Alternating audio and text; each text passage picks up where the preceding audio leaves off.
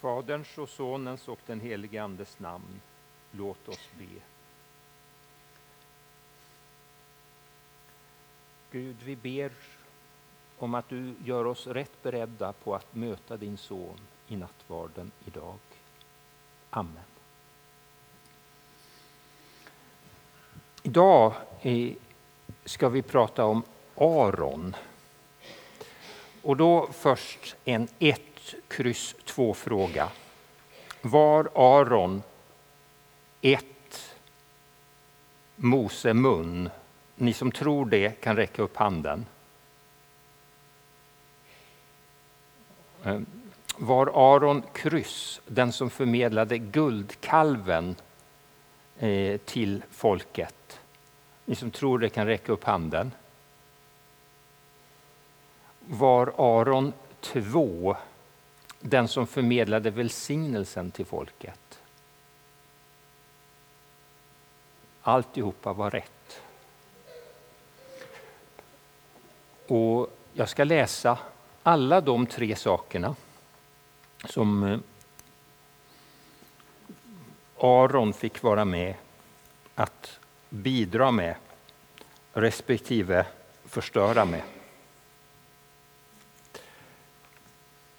Jag läser först från Andra Mosebokens fjärde kapitel och början på femte. Och Herren sa till Aron, gå och möt Mose ute i öknen.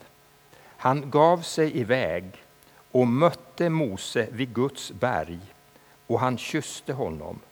Och Mose berättade för Aron allt som Herren hade sagt eh, när han sände honom och om alla tecken han befallt honom att göra. Sedan gick Mose och Aron och kallade samman alla de äldste bland Israels barn. Och Aron talade om allt som Herren hade sagt till Mose. Och han gjorde tecknen inför folkens ögon. Då trodde folket, och när de hörde att Herren hade tagit sig an Israels barn och sett deras elände böjde han sig ner, böjde de sig ner och tillbad. Därefter gick Mose och Aron till farao och sa Så säger Herren, Israels Gud, släpp mitt folk så att det kan hålla högtid åt mig i öknen.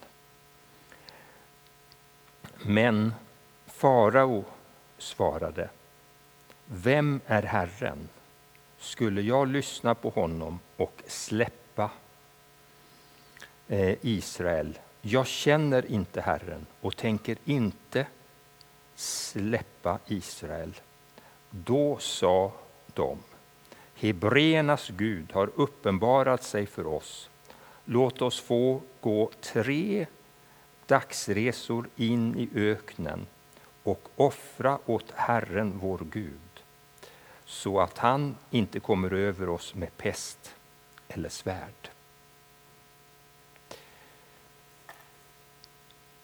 Och på det här viset blev Aron ett redskap för att föra Israels folk ut ur Egypten och var så att säga Mose mun och högtalare. Och var Mose högra hand som var med Mose till farao. Och så lyckades det. Slavfolket blev fritt och de kom ut i öknen. Där kom då högtidsfirandet. De firade en högtid innan påsk de firade en högtid i öknen när de hade kommit fram till Sina efter sju veckor, pingst.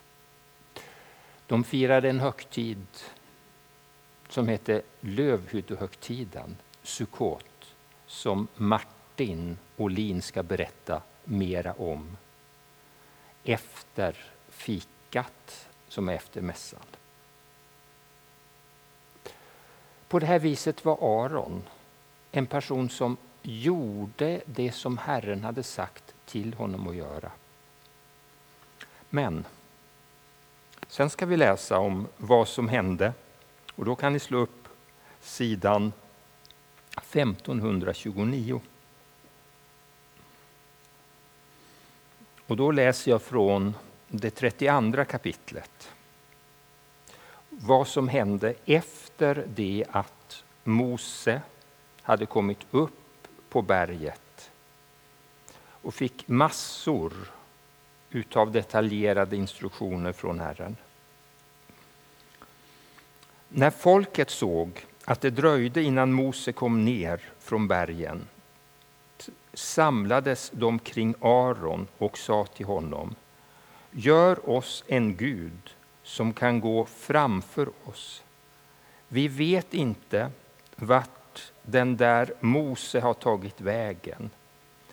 Han som förde oss ut ur Egyptens land. Aron svarade dem. Ta guldringar ur öronen på era hustrur, era söner och döttrar och kom hit med dem. Då tog alla av sig guldringarna som de hade i öronen och lämnade dem till Aron. Han tog emot guldet av dem och knöt in det i en kappa. Sedan gjorde han en gjuten kalv av guldet. Då ropade de, detta Israel är din Gud som har fört dig ut ur Egypten. Nästa dag sa Mose till folket, ni har begått en svår synd. Nu ska jag gå upp till Herren och försöka eh, vinna försoning för er synd. Och Mose gick tillbaka till Herren och sa Detta folk har begått en svår synd. De har gjort sig en gud av guld. Om du ändå ville förlåta deras synd, utplåna annars mitt namn ur din bok. Herren svarade Mose. Den som har syndat mot mig ska jag utplåna ur min bok. Gå nu och led folket dit jag har sagt dig. Min ängel ska gå framför dig. Men den dag kommer då jag ska gå till rätta med dem för deras synd. Så straffade Herren folket för att det hade gjort kalven, den som Aron gjorde. Så lyder Herrens ord. Gud, vi tackar dig. Det tragiska är alltså att han, den store hjälten som hade varit Mose högra hand som hade bidragit till att den vision som Mose hade fått kunde förverkligas han blev då den som motarbetade sin egen bror.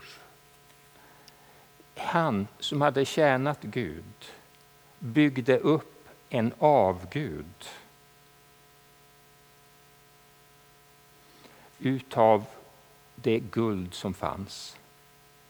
Problemet här var att det inte fick vara Gud som skulle vara Gud. Mose hade fått budet, du skall inga andra gudar hava jämte mig.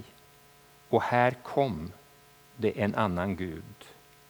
Eller något som skulle visa på Gud som inte var i överensstämmelse med hur Gud ville att det skulle vara.